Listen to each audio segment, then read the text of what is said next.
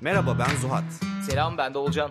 Her hafta yeni bir konuya bu mu yani dediğimiz podcast'imize hoş geldiniz. Buyurunuz.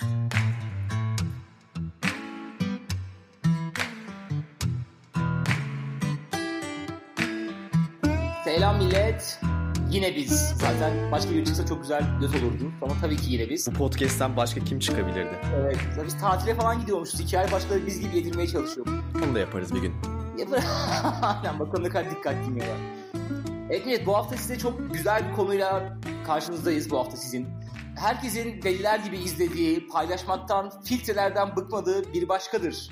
İsmi diziden çok güzel bir konu çıkardık. Çıkardık değil aslında böyle aklımızda olan bir şeydi. Dedik ki tam yeri tam zamanı. Çünkü hem bizim anlatmamız kolaylaştı. Hem size karakterler üzerinden böyle betimlemek falan çok kolaylaştı. Dedik ki doğru gün bugünmüş. Konuyu söyledin mi bu arada? Hayır sen söyle ha bana mı attın tamam. Seni dinlemediğim ne kadar belli oldu. Evet arkadaşlar. Bu haftaki konumuz bir başkalarının Hilmi karakterin ağzına pelesenk olmuş Jung'un bireyleşmesi. Bu arada daha demin işte böyle spoiler alert falan diye şey paylaştım. Jung'un bir tane videosunu paylaştım izlerken. Birisi şey yazmış böyle öküz gibi kahkaha atmış. Aa bu bir başkadırdaki Jung mu demiş. Yani anladığım kadarıyla Jung'un gerçek bir karakter olduğunu düşünmüyordu. Yani o, orada böyle adamı salladığı biri falan zannediyordu büyük ihtimalle. yani Jung'a dünya tarihinde bu kadar çok random gülen başka biri olmamıştır bence. O bayağı şey olmuş. Jung diye bilim adamı var mı abla olmuş. Evet evet. evet sevgili kardeşim. Öncelikle sana ve bunu bilmeyen, biz dinleyen çok az insan vardır. Onlara böyle bir insan var. Öyle bir bilim adamı var. Var. Psikanalizin dünyadaki üç insanından bir tanesi. İkincisi. Adamın birincisi Jung. O zaman abi ilk başta Jung'un biraz şeylerini böyle teorik yani bireyleşmeyi anlamak için neleri bilmemiz lazım. Ben hızlı hızlı onları anlatayım diziden de örneklerle. Sonra direkt diziyi konuşmaya geçelim. Yani aslında diziyi de değil de dizide konuşulan ne diyeyim tartışılan konuları konuşmaya geçelim. Evet karakterleri direkt konuşuruz. Aynen öyle. Şimdi hocam bu Jung çok önemli bir şey diyor bakın. Hı hı. Yani klasik Freud gibi aslında bilinç ve bilinçaltından bahsediyor. Ama o biraz daha böyle küçük parçalara bölüyor. Dışarıdan içeri doğru geleceğim şimdi yani en dışarıdaki yani bilincin en dışarı bakan parçası persona. Persona da aslında bayağı kelime anlamı maske anlamına geliyor. Yani senin dışarıda taktığın maske toplumun beklentilerini karşılamak için ya da işte bir kafanda bir ideal varsa o ideale yakın davranmak için olmadığın biri gibi davrandığın ama bunun da bilincinde olduğun yer yani. Hani şey değil kendini kandırdığın nokta değil aslında. Sen de o yapmacıklığın biraz farkındasın. Ama yer yer biraz oraya kendini kaptırabilirsin de. Evet. Ki zaten dizide de biraz böyle bu maske muhabbeti geçiyordu işte o özellikle Peri karakterinin hani dışarı bir çizmeye çalıştığı imaj vardı. Sonra o bir sahnede yıkılıyordu hatırlarsan. Yani o kadın aslında alttan çok güçsüz, çok zavallı bir kadın çıkıyor ama dışarıdan bakınca inanılmaz güçlü bir karakter. Aslında birçoğu ben ben yani ben genel olarak öyle anladım. Birçoğunun personası zaten en son bölümde özellikle son bölümde hepsi yıkılıyor. Ya aslında karakterlerin çoğu bireyleşiyor. Ya bu arada dizideki Hilmi karakteri de şey hep. Yani dizinin üzerine kurulduğu konseptleri böyle birinci ağızdan anlatıyor aslında. Hı hı. O işte hepimizin diyor karanlık bir tarafı var diyor. İşte hocanın bile var diyor. İşte bireyleşme aslında Jung'un dediği çok önemlidir derken bir yandan da aslında dizideki olaylarda tam olarak onlar oluyor yani. Tam olarak orada anlattığı şeyler oluyor. Hı hı. Ondan sonra da ego var yani personadan içeride. Ego da senin kendi tanıdığın kendin aslında yani farkında olduğun kısmın. Ondan sonra zaten işler bilinç dışına geçmeye başlayınca karmaşıklaşıyor. Orada zaten gölge var ilk etapta. Yani karanlık tarafın dediği adamın kendine bağdaştırmak istemediğin, o dışarıya çizmek istediğin imajla uyuşmayan ya da dışarıdaki toplumda kabul göreceğini düşünmediğin her şey burada toplanıyor. Ama gölge sadece şey değil bu arada hani ne bileyim kötü özelliklerden ibaret değil. Mesela sanatçılık da özellikle Türkiye gibi toplumlarda en çok gölgeye süpürülen özelliklerden biri. Birçok insan aslında sanatçı tarafı olmasına rağmen bunu ortaya çıkaracak cesareti yok. O yüzden bastırıyor. Bazen bir yerde patlıyor, bazen bütün ömrü o şekilde geçiyor. Gölge de mesela benim karakterlerden en çok hissettiğim şey vardı. Ee, Tülin Özen'in canlandırdığı karakterin adı neydi diğer psikolog olan? Gülbin. Hı hı. Mesela Gülbin'in ablası bir sahnede şey yapıyor hatırlarsın. Ona böyle bir tiratla çıkışıyor. Sonra la ve la kuvvete falan diye böyle yanında hani sanki kardeşin içine bir şey girmiş gibi e, dua etmeye başlıyor. Ya orada mesela onu aşağılarken aslında onu kıskandığı çok belliydi. Yani o aslında bayağı haset duyuyordu kardeşine. Ama o kadar kabul etmiyor ki işte zaten gölgenin ortaya çıkma şekli de en yaygın o. Yani kendinde kabul etmediğin şeyleri başkalarında görüyorsun ve ona saldırmak istiyorsun. Çünkü o yani sana ayna tutmuş oluyor aslına bakarsan. Evet abi. Şeyde bir daha demin dediğinle ilgili benim okuduğum şey çok hoşuma gitti. Yani bir insanın bu personası yani dış dünyaya karşı o koyduğu maskesi ne kadar katıysa Jung diyor ki gölgen de o kadar karanlık olur. Bunları zaten birazdan değiniriz yani hani bu işin böyle bireyleşme kısmında ikisinin yani personadan gelen ışığın gölge aydınlatması gerekiyor ya. Hı hı. Sen dışarıya atıyorum bunu böyle öğretmenlerinizi koyabilirsiniz. Çok böyle sert komutan gibi insanları koyabilirsiniz. E yani ne bileyim işte bu klasik bu papazların veya yurt dışındaki bu kilisedeki rahiplerin falan patlayan cinsellik olayları gibi. Yani ne kadar senin dış dünyaya koyduğun maske kalınlaşırsa artık böyle kemik gibi olursa iç dünyanın hakkında hiç düşünmediğin için orası daha da büyük bir karanlığa dönüşüyor. Bir bu ikincisi dediğin şey de ya, şeyden Freud'dan geliyormuş. Yansıtma deniyormuş buna. Hı hı. Yani kendi gölgenle ne kadar uzaklaşırsan o bilinçaltına bunu karşındaki bir insana yansıtıyorsun. Ve aynı senin dediğin gibi kendine kabul edemediğin her şeyi başka bir insanda varmış gibi onu düşman bellemeye başlıyorsun bir yerden sonra. Ki bu birey bazında değil toplum bazında da olabiliyormuş. İşte bunda böyle yine klasik Hitler üzerinden falan bir okuma yapmış. Böyle okurken gözlerim kanadı bugün. Bu bireyde olduğu gibi toplumda da böyle bütün toplumun bastırılmışlığını alıp işte o düşmana atabiliyorsun.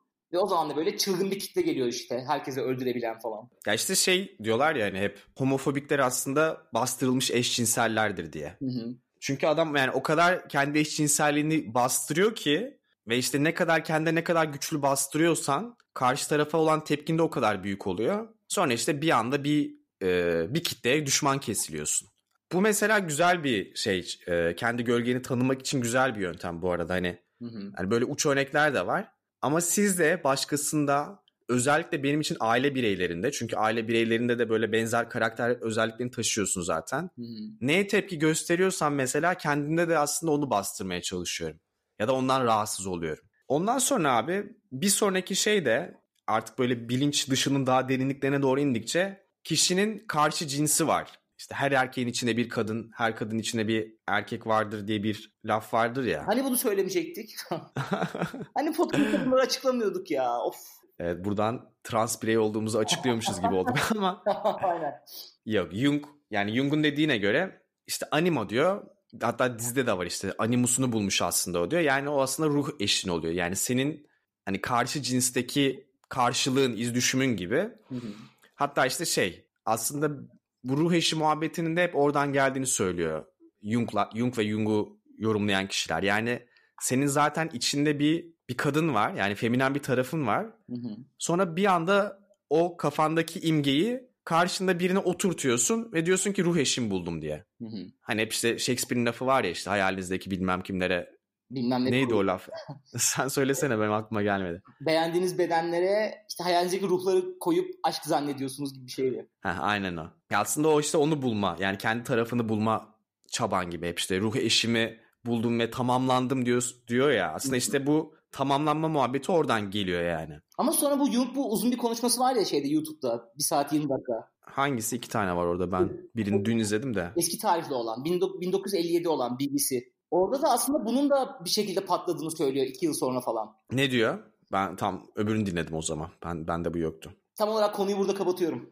Çünkü yani şey o yani yine bu gölge karakterlerden bahsediyor. Yani o içinde yarattığın yani senin kendin erkek için konuşuyorum. İçindeki kadın karakterini de aslında bastırdığın için sen kendin için kötü bir tercih yapmış oluyorsun. Yani bir şeyleri yani klasik şeye geliyor. En sonunda bunu değiniriz. Hani insan bireyleşmeden kendini farkında olmadan yaptığı her tercih yanlış gibi oluyor ya. Hı hı. Böyle özellikle ruh eşi gibi konularda. Hı O hı. tam olarak onu söylüyor. Yani bastırılmışlıkla kendi içinde bir karakter yaratıyorsun. Ki o yarattığın kadın da büyük ihtimalle senin hep içine attığın, örselediğin böyle gölgenle ilgili bir karakter oluyor. Ve sen sana en kötü gelecek, en böyle gölgene attığın hislere sahip, karaktere sahip kadına aşık oluyorsun diyor. Hmm, Yani anladım. Çünkü o senin içindeki bir karakter. E bilinçaltında senin çok fazla gölge var bastırdığın. Hele ki böyle bir de içinde bir kadın olmaz hani böyle ibne miyiz lan biz tarzı bir erkeksen daha da böyle çok kötü kararlar vermeye eğilimli oluyorsun eş tercihi konusunda. Ya zaten işte asıl problemli kısım mesela o. Özellikle Türkiye'de hani erkekler böyle çok maskülen ya. Hı hı. İşte bir mesela feminen bir şey yaparsan ipne misin lan sen diye başkasına kınıyor. Hı hı. Başkasını kınadığı şeyi kendi de yapamıyor. O yüzden aslında hiçbir zaman o e, kendi feminen tarafıyla bağ kuramıyor.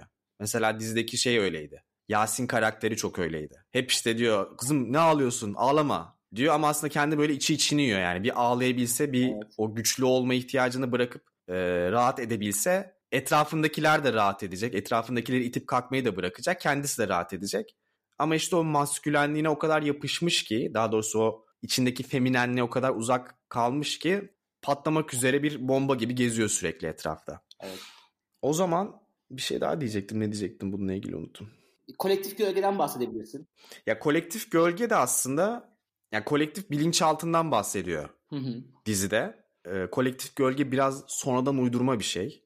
Ya kolektif bilinçaltı dediği oradaki şu. Yani senin zaten doğduğun andan itibaren belli başlı içgüdülerin var. Hı hı. Ee, işte belli başlı korkularım var. İşte arketipler var diyor. İşte mesela rüyanda aksakallı dede görmek aslında e, hani dünyanın neresine gidersen git, zamanda hangi tarihe gidersen git hep yaşanmış olaylar. O da diyor ki zaten bu hani o zaman kişisel bilinçaltınla değil yani senin kendi tecrübelerinle şekillenmiş bilinçaltınla değil kolektif yani bütün insanlara ait ortak bir bilinçaltıyla açıklayabiliriz bunu diyor. Hı hı. İşte mesela Jordan Peterson şey diyor çok hoşuma gidiyor. İşte kediler fareler için arketiptir diyor. Yani fare bütün fareler kedilerden korkar çünkü onların bilinçaltında e, olan bir şeydir. Mesela insanların bilinçaltında hep bir yılan vardır. Niye? Çünkü büyük ihtimalle yüzlerce, binlerce yıl hep yılanlar tarafından öldürüle öldürüle e, artık bir şekilde o bilinçaltına yer etmiş gibi bir şey diye tahmin ediyorum. Hı hı. Ben daha bugün yine böyle her bir boktan Jordan Peterson çıkıyor zaten çok izlediğimiz için büyük ihtimalle. Hı hı. Ne bileyim böyle işte işte Fenerbahçe Başakşehir maçı yazıyorum. İşte Jordan Peterson 10 Fenerbahçe Beşiktaş Başakşehir falan çıkıyor böyle. Adamın her konudaki bir yorum çıkıyor. Neyse Evet ya. bu Jung hakkında da şey diyor işte bir tane öğrencisi böyle hocam işte geçen bu şey var ya Jordan Peterson'ın Aslan Kral ve Jung diye bir şeyi. Evet. Diyor. Bayağı iyi bu arada. Onu şeye koyalım. Evet. Açıklamalara koyalım. Aşırı güzel bir video. Evet onu da kesinlikle izleyin. Jordan Peterson bu söylemiş. Bunu ben de çok hissediyordum. Sonra bu çocuk da öyle olmuş. Yani işte çocuk böyle Jung okumaya başlamış falan. Sonra çocuk dedi ki işte, diyor ki işte böyle hisler içindeyim, şöyle hisler içindeyim falan. Adam da şunu söylüyor. Bunu ben kendime de tavsiye ediyorum. Sen bu konu benden daha ileridesin. Daha sık okuduğun için özellikle böyle psikanaliz, felsefe. Hı hı. Böyle bir hevesle Jung Freud okumaya başladığınız zaman diyor Jordan Peterson çok dikkatli olun. Çünkü bu insanlar hani o kadar böyle keskin zeka ve tanımlarıyla sizi böyle ruh halinizi, karakterinizi dağıtıyorlar ki istemli olarak. Yani reorganize ediyorlar diyor. Onu toplamayı nasıl toplayacağını bilmediğin zaman senin şimdiki halin gibi olabilirsin diyor. Yani işte bu yüzden zaten işte atıyorum psikiyatristler var, psikanalizler var. Sen gidip kendindeki bir şeyi böyle bir anda çözdüğün zaman bir sürü şeyi nasıl geri toplayacağın hakkında hiçbir fikrin olmayabilir. Belki okuduğun şeyler çok doğru anlamamış da olabilirsin. Ben de mesela çoğu okuduğum şeyle kendimi öyle hissettiğim çok oluyor çünkü. Böyle okuyorum ah be abi evet bu benim falan diyorum böyle. E diyorum oğlum bu böyleyse bu nasıl olacak falan filan.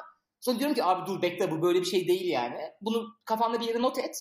Devam edersin sonra falan deyip çıkıyorum oradan. O yüzden böyle yeni heyecanlı Jung, Freud, işte Adler falan okumaya başlayanlara da benden ve bir de Jordan Peterson'dan önemli değil. Böyle bir tavsiye vermek istedim yani. Şu şey çocuğun adı Atakan mıydı ya? Hangisi? 7 yaşındaki tip. Onun çok güzel bir sözü vardı bak gerçekten o çocuğa böyle yok onu ezberliyorlar bilmem ne zeki değil o çocuk dediler de şey çok hoş, hoşuma gitmişti. Herkese işte felsefe okutmalı bir de psikoloji okutmalı derken sonra bir durdu. Ya yok psikoloji okumasınlar. Psikoloji okuyunca insan her hastalığı kendine var sanıyor gibi bir cümle kurmuştu. Abi psikoloji için o kadar doğru bir şey ki.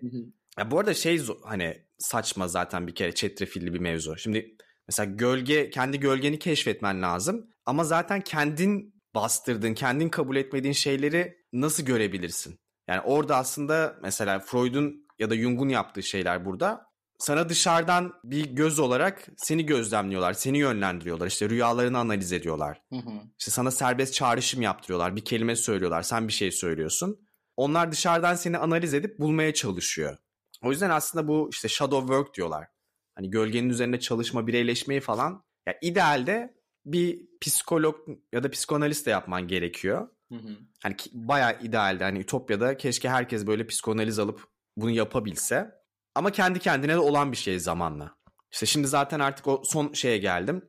En içeride artık tüm en dışarıdan başladık. En içeri kadar geldik. Orada da zaten işte şey var. Self var. Hı hı. Ama bu büyük büyük harfle yazılan self yani. S'si büyük the self. Hı hı. O da senin gerçek benliğin aslında. Bununla da ilgili dizide şeyden bahsediyordu hatırlarsın. Ee, işte Hilmi yine klasik kişinin hayatının ilk yarısı egosunun peşinde geçer diyor. Rüştünü ispatlamaya çalışır. Ondan sonra diyor artık gerçek kendini tanımaya başlar diyor. Ve işte bizim mesela konuştuğumuz şeylere de çok paralel bir şey. O çok hoşuma gitti. Bir grup psikoloğun şeyini dinledim, podcast'ini dinledim. Onlar da şey diyor. Yani işte kişi ilk başta bir normal hani küçük seyle selfini bulur diyor. İşte çocukken bir benlik algısı yaratır diyor. Kendini tanır, kendini inşa eder. İşte egosunu inşa eder. Ondan sonra hayatının ortalarında bir yerde gerçek benliği ortaya çıkmaya başlar diyor. Yani bu aslında hep insanların sana dediği işte o içindeki ses. Yani işte içindeki sesi takip et, onu dinle dedikleri o aslında daha derinlerdeki benliğinin seninle iletişim kurma çabası. Evet ben tam işte bu noktada yavaş yavaş o zaman bireyleşmeye geliyoruz diyecektim. Ya aslında şunu diyor Jung temel olarak. Artık size bilinç ve bilinçaltını anlattığımız üzere bilinç ve bilinçaltının paralel olması lazım diyor. Çelişki içinde olmaması lazım. Beraber hareket ediyor olması lazım. Yani, senin gerçek e, benliğin çok başka bir şey isterken sen çok başka bir yere gitmeye çalışıyorsan çok fazla gidemezsin diyor yani. Hı hı. Gideceğin yer nevroz olur diyor. Hani bir benliğin var içinde biliyorsun ama ona uygun yaşamıyorsun. Yani aslında kendi gerçekliğine uygun yaşamıyorsun. İşte persona için şey diyor Jung. Persona aslında gerçek değildir diyor. İkinci bir gerçekliktir. Kişinin kendi yarattığı ikinci bir gerçekliktir. Hı hı. Altı boştur ama diyor. Ya şey vardı ya bunu ilk bölümlerde konuşmuştuk. Hiç kimse senin sen olduğun haline istemiyor. Ya herkes senin ne ya sen ne kadar çok onların istediği prototipe uyabileceğine göre seni bir işe alıyorlar ya. Büyük şirketler özellikle hani. Tamam bu çocuğa ben takım elbise giydim sakallarımı kestiririm kafası da çalışıyor otururum karşısına bir Excel veririm yapar. Yani senin kendi karakterinle veya neyi sevdiğine hiçbir ilgisi yok büyük şirketlerin. Özellikle böyle 5000 ve üzeri çalışan şirketlerin. O yüzden bu yabancılaşma çok çok daha mümkün artık. Ve şimdi baktığımız zaman artık yani böyle Nestle gibi büyük şirketler artık daha da çok yemeye başladı ya küçük şirketleri. Satın alıyorlar ya belki bir şey. Starbucks'ın ev dışına aldılar falan. Starbucks daha lokalizeydi onlar için. Yine büyüktü ama artık böyle daha da daha da daha da artacak, artıyor bunlar. Ve o yüzden bu ayrım durmadan daha büyük sorunlara yol açacak gibi duruyor. Evet. Güzel güzel bir şey dedim bu arada. Yabancılaşma dedim. Bence ya en iyi tanılardan biri o ya. Kendine yabancılaşıyorsun. Hı hı. Yani sürekli işe giderken, işteki masanda otururken ya da bir toplantıda söz alıp konuşurken kendine yabancılaşmış hissetmek kadar zor bir şey yok bence. En çok mesela burada insanlar zorlanıyordur diye tahmin ediyorum. Yani bir şey çıkıyor ağzından ya da işte bir şey giyiniyorsun ya da ne bileyim en basitten hani kadınsan böyle hep böyle şık olman lazım işe iş, işinde olmak için. Hani o şekilde kabul görüyorsun böyle yataktan kalktığın gibi gidemezsin. Ya da yataktan kalktığın geçtim hani bir tık salaş da gidemezsin. Hı hı. Hep yani bir ekstra bir şeyler yapman gerektiğini bilmek, kabul görmen için ya da o yaptığın işi yapabilmek için.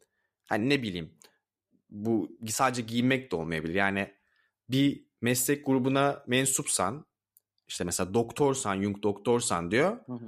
Bir doktor gibi davranman lazım diyor. Yani bir e, herhangi içinden geldiği gibi davranamazsın. Orada birileri sana bir otoriteymişsin gibi geliyor. Ve senin o rolü oynaman gerekiyor aslında. Hı hı. Yani bu bir rol aslında. Toplumun sana verdiği rol. Ve ya işte bize daha özgü kısmı yurt dışında da çok farklı olduğunu söyleyemeyeceğim ama orada bir tık kırmaya başladılar. Yani o rolün çok fazla beklentisi var. Yani kendin gibi olman değil, hani o rolün beklentilerine uygun davranman daha önemli. Hı hı. İşte şimdi yavaş yavaş böyle daha esnek şey çalışmalar geliyor ya. Doktordan satılık araba gibi değil mi? Ha, aynen öyle yani. Senin o arabayı satman gerekiyor. Yani. Yoksa şey olur hani yani ne biçim doktor olmuşsun amık falan derler. Şimdi buradan şeye gelirsek abi diziye tekrar gelirsek. Hı hı. Bence bu dizinin bu kadar ses getirmesinin sebebi de aslında yani bu konuştuğumuz konulara parmak basması. Yani parmak basması derken şöyle parmak basmasından bahsediyorum. Yani bizim maskemizi düşürüyor bu dizi. Ben bu dizinin en önemli karakterinin Peri olduğunu düşünüyorum. Çünkü benim hissiyatım aslında burada böyle Berkun Oya'nın biraz daha perilere yani daha işte beyaz Türklere seslenip onların o ötekileştirdiği karakterlere ya da işte kendi yaşadıkları topluma yabancılaşmalarına bir silkeleyip kendine getirmeye çabası gibi. Ya orada da o kadın şey yani işte zaten işte başörtülü birini hani kafasında hizmetçi olarak kodlamış. İşte kendi böyle ailesi çok azınlık olmasına rağmen işte normal tipler olarak nitelendiriliyor. Evet. Ya aslında kendi yaşadığı topluma yabancılaşmış baya. Yani kendi gerçekliğinden kopuk. Anlattığı gibi bir tık farkında da yani bir akvaryumda olduğunu farkında. Ama bir yandan da hala bir şeyleri bastırıyor da. Yani bir şeyleri reddetme durumu da var. Zaten ondan sonra çözüldünce kadın rahatlıyor bambaşka biri oluyor. Yani şey işte senle de başlamadan önce konuşuyorduk ya. O böyle dizideki ara geçiş sahneleri bile o böyle işte Mecidiyeköy'ün çarpık yerleri ya da işte Bomonti'de galiba üst üste binalar. Hı hı. Hani oraları çekmesi bile aslında bence izleyeni böyle bir kendisiyle yüzleştirmesi. Çünkü hepimizin gerçeği bu abi. Hepimiz o üst üste binalara bakıyoruz yani. Ama dizi açıyoruz bir görüyoruz işte böyle Galata Kulesi'nin üzerinden muhteşem bir gün batımı Haliç'te. Ya da işte harika bir boğaz manzarası. Sanki böyle bizim hayatımız oymuş gibi. Ya da işte böyle dizilerdeki tipler hep böyle şıkır şıkır modern tipler. Hiç böyle başı kapalı kimse yok ya da hiç böyle köyden gelmiş tipler yok. Evet, varsa da onların çok böyle bir karakterlere etkisi yok yani. Hani o drone çekimleri ve onların yaşadığı o hayat üzerine gidiyor ya her şey. Aslında baktığın zaman çok temel yani insan ilgisi. Instagram'a attığımız resimler gibi evdeki halimiz değil yani. Heh, aynen öyle aslında. Ama işte biz mesela o, oymuş gibi davranmak istiyoruz. Hatta böyle işte dışarıdan yurt dışından izleyen biri de onları görsün istiyoruz hani. Hı hı. Daha böyle o İstanbul'un en modern kısımlarını görsün ve ondan ibaretmiş gibi düşünsün diye. Ya da işte tam tersinden örnek vereyim. Bir ara böyle e, bir James Bond filmi Türkiye'de çekildi de işte çok böyle çarşaflı kadınlar var falan diye tepki gördü ya. Aha. Ya tamam hani orada evet çok fazla çarşaflı kadın vardı. Sanki bütün kadınlar çarşaflımış gibi bir şey vardı, hava vardı. Ama yine de oradaki asıl beklenti hani niye böyle modern insanlardan sadece olmadı arka plan gibi. Yani yine gerçeklikten kopuk bir arzu vardı orada. Hı hı. İşte bence dizinin hani bir şalter alt, arttırmasının sebebi herkesi bununla yüzleşme zorunda bırakmak. Arkadaşım sen işte neydi en son izlediğin güzel dizi? Şahsiyet miydi?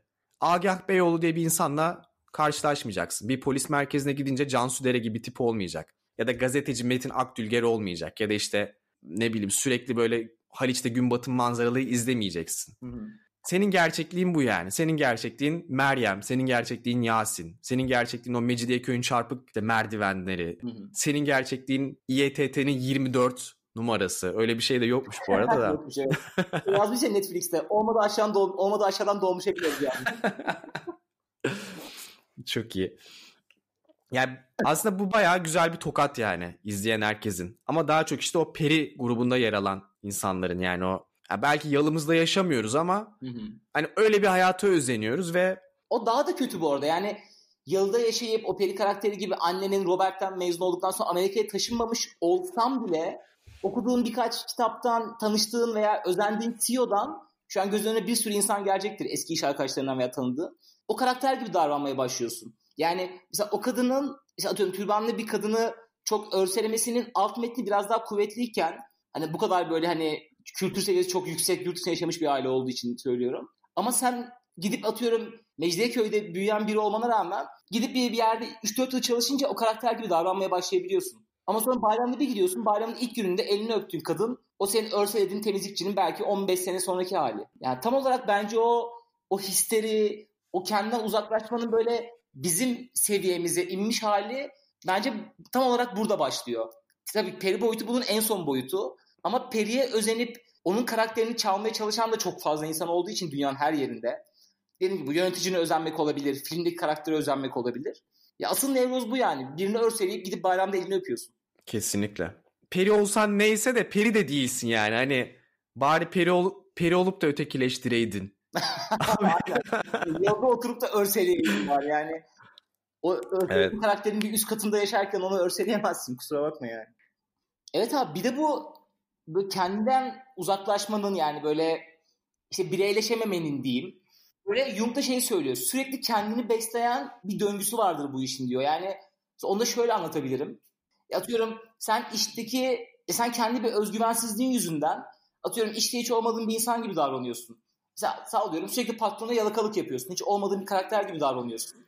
aslında sen bu değilsin, bu olmak da istemiyorsun ama içte bir yerde bir yetersizliğin var. Belki gölgen çok büyük, belki asla o personel çok katı olduğu için onu asla yüze çıkaramamışsın. Belki ailen buna izin vermemiş, belki toplum izin vermemiş. Ve artık o patronun veya müdürün seninle hep böyle konuşmaya başlıyor. Ve sen o personeli daha da katılaştırmaya başlıyorsun. Ve artık kendi gölgenden daha da uzaklaşıyorsun. Ve o sana öyle davranıyor. Sen daha çok bu karaktere oturuyorsun. Ve zaten en sonunda bu psikoz da inanılmaz bir nevroza dönüşüyor. Bu aynı işte yine geri dönersek bu peri karakterinde olduğu gibi. O kadar çok kendini artık kendinden uzaklaşıp öyle bir hale sokuyorsun ki böyle geri dönülmez bir noktada duşta ağlıyorsun. Giden günlerim oldu şarkısı falan söylüyorsun. Ne güzel şarkıydı be. Çok güzeldi be. Neyse, neyse. Geri dönülmez bir noktada buluyorsun kendini. Çok güzel bir söz vardı ya. Bu Dark Knight'ta mı geçiyordu? Bir maskeyi yeterince uzun süre takarsan altında kim olduğunu unutursun diyor. Yes, evet. V for Vendetta mıydı?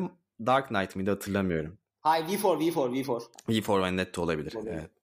Evet abi. Peki o zaman hemen çözüm kısmına gelelim bence inceden. Yani tamam okey. Hep değindik neden böyle olduğumuza karşı. Toplumun her kesiminde böyle bir şey var. Ya aslında çözüm süreci kendiliğinden olan bir şey diyor hani Jung. Hani vücudun gelişmesi gibi. Hı hı. Hani nasıl vücudun kendi doğasına gelişir, büyür diyor. Ama eğer vücuduna daha iyi bakarsan, egzersiz yaparsan bunu süreci hızlandırabilirsin diyor. Bu işte psişenin işte bu saydığım personadan animaya self'e kadar olan hepsinin bütününe psişe diyor. Psyche diyor Jung. Kız adı gibi ya psişe. Psişe. Psyche. Robert mezunu birinin kızına vereceği bir isim gibi. Ruh demek aslında ama giderek böyle daha zihin gibi bir anlama dönüyor yıllar içerisinde. Hani o algımızın değişmesiyle. Onun tavsiyesi de en başta yapabileceğin en iyi şey personanı yıkmak diyor.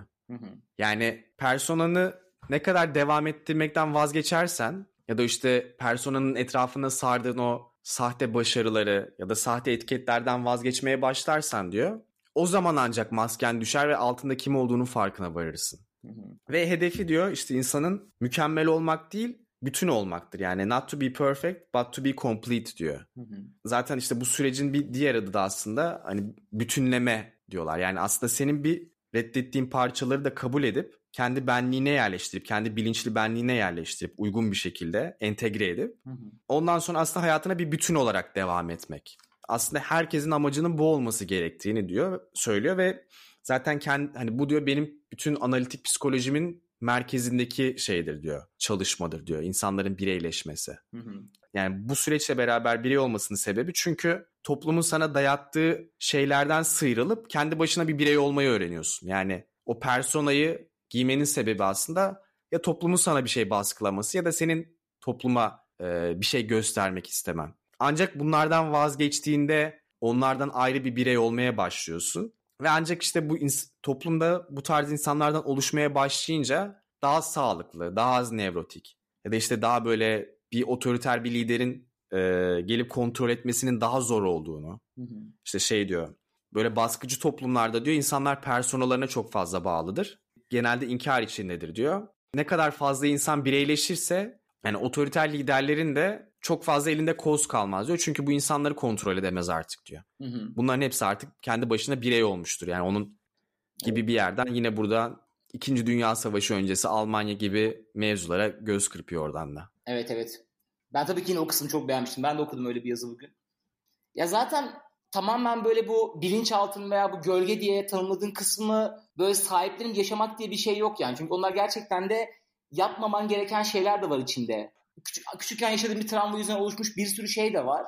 Ha, onları ortaya çıkarıp onları yaşamak da değil aslında bireyleşme yani. Bu tamamen o gölgedeki kısmı bir ışık tutup onun farkında olarak yaşamak. Yani işte ben bunları neden yapıyorum? Neden böyle bir şey istiyorum? Atıyorum işte ilişkilerimde niye böyle davranıyorum veya niye böyle kararlar veriyorum?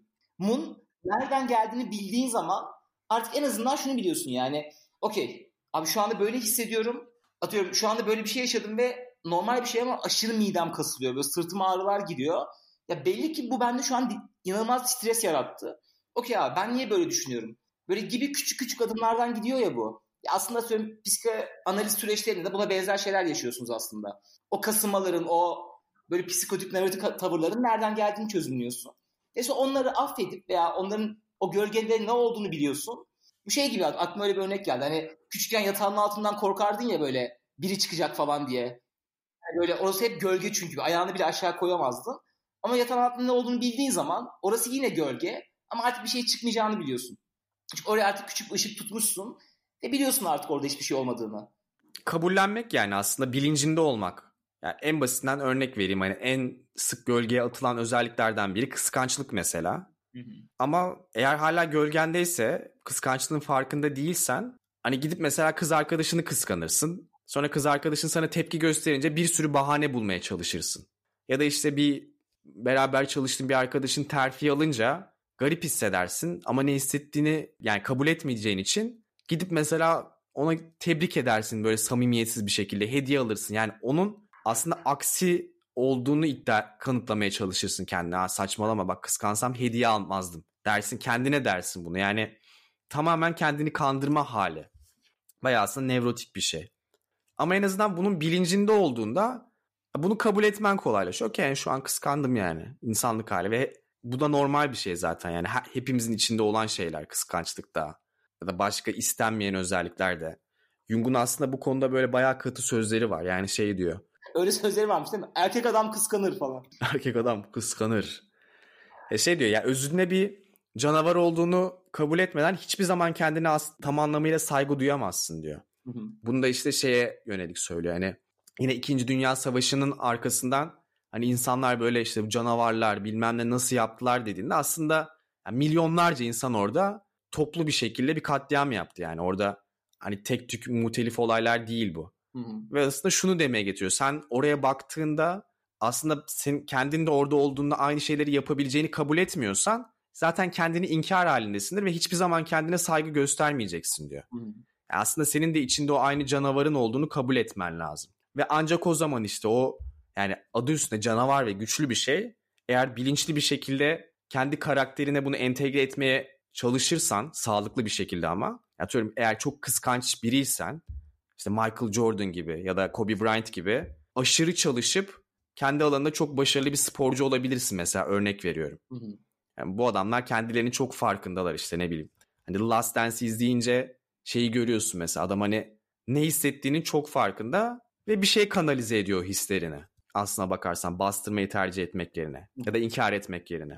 Tam potansiyelini gerçekleştirmek için o karanlık kısmını keşfetmen gerekiyor. Abi şu konuda da benim ama şöyle bir dilemam var kendi kafamda. Söyle mesela, kardeşim. Mesela Michael Jordan bunları atıyorum bir psikoloğa gidip çözmek yerine bir şey kanalize etmiş ya. Herkes şey yapıyor işte. Bu küçükken hep abisiyle oynarmış. Abi hep bunu yendiği için yaş olarak büyük olduğunda hep takdirleri toplarmış falan. Ve işte çok büyük ihtimalle bunun bu kadar böyle kazanma odaklı, hırslı olmasının sebebi de küçükken abisine sürekli kaybetmesi. İşte karşılığında babasının belki abisine aferin demiş falan gibi şeyler.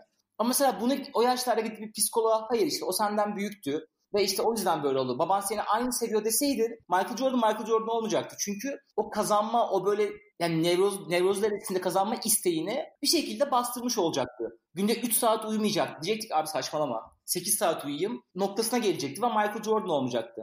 Bunu böyle işte 180 ne yani 360 take alan Nuri Bilge Ceylan için de söyleyebilirim. Ya aslında evet böyle sağlıklı ama dünyayı da böyle olmayan insanlar değiştiriyorlar.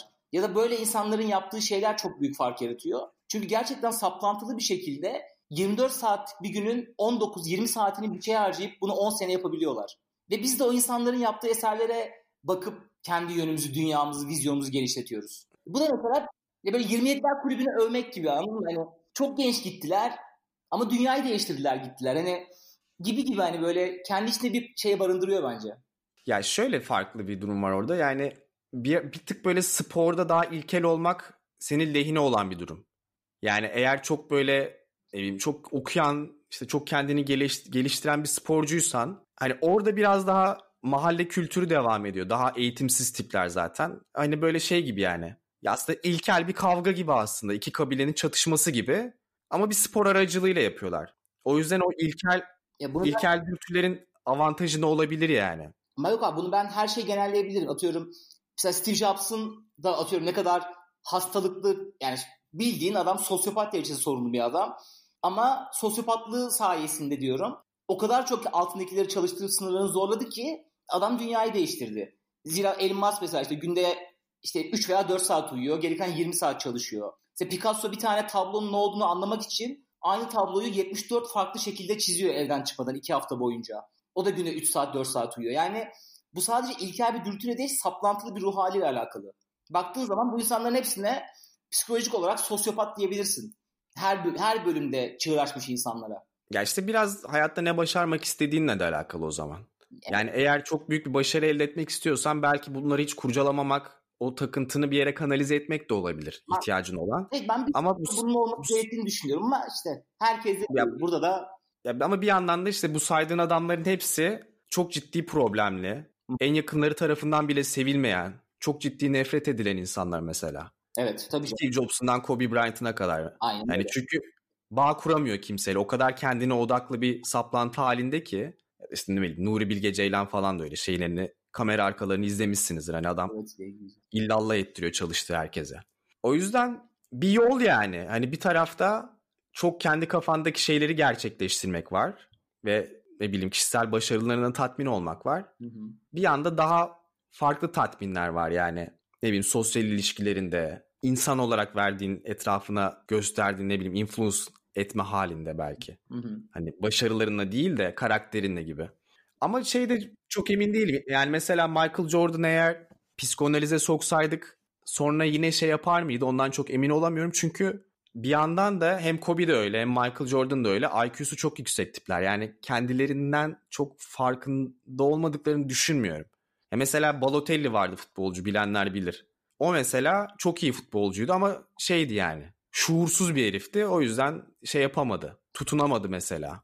Ama bu adamlar bence o taraflarının farkındaydı ve iyi bir şekilde kanalize etmeyi bildiler yani. Evet yani bence ise kilit kelime bence burada bir şey kanalize edebilmek. Yoksa Michael Jordan antrenmanı takım arkadaşlarını yumruklamış kaç kere yani baktığın zaman bu ne iyi bir liderlik ne de işte iyi bir şey olabilir. Ama yani dediğin gibi o basketbol özellikle Steve Jobs öyle insanları ağlatana kadar çalıştırıp eziyormuş falan. Her neyse yani şey diyebilir miyiz hocam?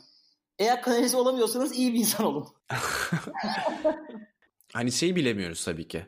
Ya belki de işte bu adamları e, böyle bir sürece sokabilseydik belki yine aynı başarılara ulaşıp ama bu sefer çevreleriyle de iyi ilişki kurabileceklerdi.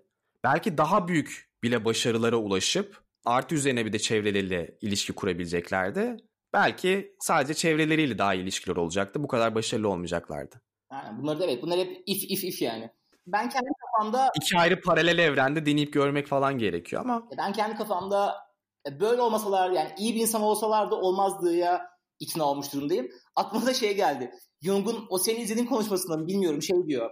İşte bir tane psikiyatrist demiş ki işte doğum travması diye bir şey var ve insan bunu atlatamıyor demiş. Freud da diyor ki bu diyor fact'tir. Yani doğmamış bir insanla psikanaliz yapamadığın sürece doğum travması diyemezsin diyor. Çünkü herkes doğdu ve bu artık gerçektir diyor. Yani nefes almak gibi bir şeydir. Hani Travma doğ- olamaz artık evet, diyor yani. yani. Doğmamış bir insanın karnı, psikolojik gelişim geliş tamamlanırsa anne karnında ve analiz yapabilsek bu konu hakkında konuşalım diyor. Yani herkes doğduğuna göre bu konu hakkında konuşmanın bir gereği yok bence diyor. O da çok hoşuma gitti evet. Bizim şey işte Great Porn Experiment gibi NoFap bölümündeki Patreon'daki.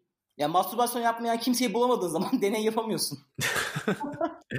bir kontrol grubu gerekiyor çünkü her deney için. Kontrol grubu yok. Ya aslında şöyle o konuyu o zaman kapatıp bölümü de bağlayabiliriz. Yine Michael Jordan diyeceğim artık ama Hı hı. ya Michael Jordan'ın o özelliği vardı içinde. O bir yere gidecek bir şey değil bence. Yani o terapiyle iyileşecek ya da alınması gereken bir özellik değil. Aslında biraz bu gölgenin de hikayesi o. Yani hani toplum bazı şeyleri iyi ve kötü diye ayıkladığı için kötü olan şeyleri kendinde görmemeye, yok saymaya meyilli oluyorsun. Ama o senin bir parçan aslında.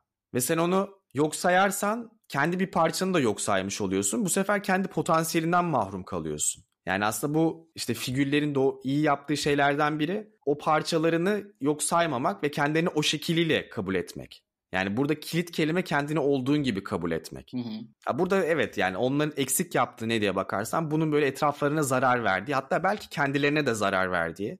Çünkü eminim işte Michael Jordan antrenmanda kavga çıkardığında bu takımda çok büyük huzursuzluk yaratıyordu ve yine günün sonunda Michael Jordan'ın belki bir şampiyonluktan ed- etti. Ama tabii bir tık da en başta dediğim gibi spor müsabakaları daha ilkel olduğu için hani çok da iyi örnekler olmayabilir ya. Yani bunu çok net bir şekilde böyle her sektörden, her alandan bir insan sayabilirim büyük ihtimalle. O yüzden ya o sosyopatlığın başarı getirdiği çok çalışma olduğu için yani Yani aileni göz ardı ediyorsun. İşte Mozart'ın o izlemişsindir veya okumuşsundur hayatını. Bu çocuğu açken böyle gidip günde 17-18 saat piyano çalıyor falan. Ama o seviyeden sonra gidip hala Mozart olabiliyorsun. Salieri olmuyorsun yani. Salieri gibi gidip hem politik ilişkilerini devam ettirip bir şey yaptığın zaman gününün insanı oluyorsun, zengin insan oluyorsun ama ölümsüz olamıyorsun. Sonra her şeyi sosyopatik derecesine bırakıp kendini müziğe verip bir şeyin peşinde çok inandığın zaman Mozart olabiliyorsun. Bu demek değil ki herkes tabii ki bunu yapsın da yani her konuda insan sayarım böyle kült olmuş. Ya işte biraz da şey hikayesi aslında. Hani o Hilmi'nin dizide dediği insan hayatının ilk yarısını işte rüştünü ispatlamak için egosunun güdümünde geçirir diyor ya. Hı hı. Ya işte aslında bir şey olma arzusu da oradan geliyor. Yani o da önemli. Hani Mozart bir şey olma arzusuyla mı o kadar 18 saat çalıştı yoksa gerçekten aslında gerçek benliği onu oraya çektiği için mi 18 saat çalıştı? Orada da öyle bir ayrım da yapmak lazım. Hani gidip de sadece bir şey olmak için böyle çok büyük bir persona giyip hani çok abartılı takıntılı çalışmak da mümkün öbür yandan. Aslında özünde bambaşka bir şey yapmak istiyorken. Ha yok kesinlikle öyle değildir o. Mozart öyle değildir canım. yok yok birçoğu için yani aslında dediğin şeye çok net bağlayıp çıkabiliriz bence artık yani. Yani içi dışı bir derler ya. Yani bu adamlar bir şekilde artık mindsetlerinde veya bu adamlar değil mi? Bu insanlar yani mindsetlerinde bir şekilde bu olmuşlar artık. Gölgesiyle, personasıyla, her şeyiyle. Ve o yüzden her şeyi ekarte edip bir şey kanalize olup ölmek pahasına bunu yapabiliyorlar. Ama işte yani neyse artık yeter konuştuğumuz. Bu zaten şey ya, doğrusu yanlış yok yani. Evet, evet. Bütün dünyanın pivot olması lazım. Ama olmasa Ha konuştukça da böyle tartışmanın başka boyutları açılıyor ya ondan evet. gittikçe de gidiyor da yok kardeş geçen şeye katıldık Oğulcan'la artık burada kapanışa yakın dinleyicilerimize dönelim. evet, evet, Hem onlara da bir selam verelim. Enstitü Fabrika'nın bir etkinliğine katıldık. Gelen herkese de teşekkürler buradan. Enstitü Fabrika'ya da ayrıca teşekkürler. Onun böyle son 20 dakikasında herhalde Oğulcan'la aramızda münazaraya daldık. Evet. ne hakkında konuşuyoruz? Ha ütopya olur mu? Yoksa bir ütopya, distopya ihtiyaç duyar falan gibi bir şey duyuyor. Evet, evet blockchain'den girip bir yerlerden çıktık ama asla şey yani hani o konuşmanın konusuyla al- alakamız yoktu. Evet. e, tamam herkes unutup kendi içimize döndük. evet evet bunu bize hep yaşıyoruz zaten. Evet. Siz bölümde yaşamış olduk. Siz de yine bir 10 dakika falan dinlemiş oldunuz. Okey. Evet. Çok konuştuk, millet. yorulduk. E bu arada yorucu bölümdü ya. Hazırlanması da yorucuydu benim için ya bizim anlattığımız şeylerden böyle hoşunuza giden küçük şeyler varsa büyük ihtimalle bir konunun sadece binde bir falandır. Sizden ricamız işte bunu bildiğiniz dil veya ulaşabildiğiniz kaynak dahilinde daha çok araştırıp size kendi yolunuzu çizin bir taraftan. Yoksa 30-40 dakika podcast dinleyerek hiçbir şey olmuyor. O yüzden bunlar hep sizin böyle aynı personadan gölgeye giden bu küçük ışık gibi minik bir ışık olsun. Daha fazlasını yapmak da sizin sorumlunuz olsun. Jung'un selamı üzerinizde olsun kardeşlerim. Jung'un rahmeti o zaman Jung için bir El Fatiha. El Fatiha. Adam hakkında saatlerce konuşup Fatiha atalım bari.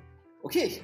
Kapatırken o zaman klasiğimiz bizim bu yani podcast hesaplarımızı tagleyip Twitter'da Instagram'dan paylaşın. Spotify'dan takip edin, Apple Podcast'ten takip edin, review verin. Yapın bir şeyler ya. Aynen. Bedava ya. Bedava. Ya. bedava. Bizi bedavaya mutlu edebiliyorsunuz. Okey millet. O zaman Haftaya kadar görüşmemek üzere. Kendinize iyi bakın ve hoşçakalın. Bay bay.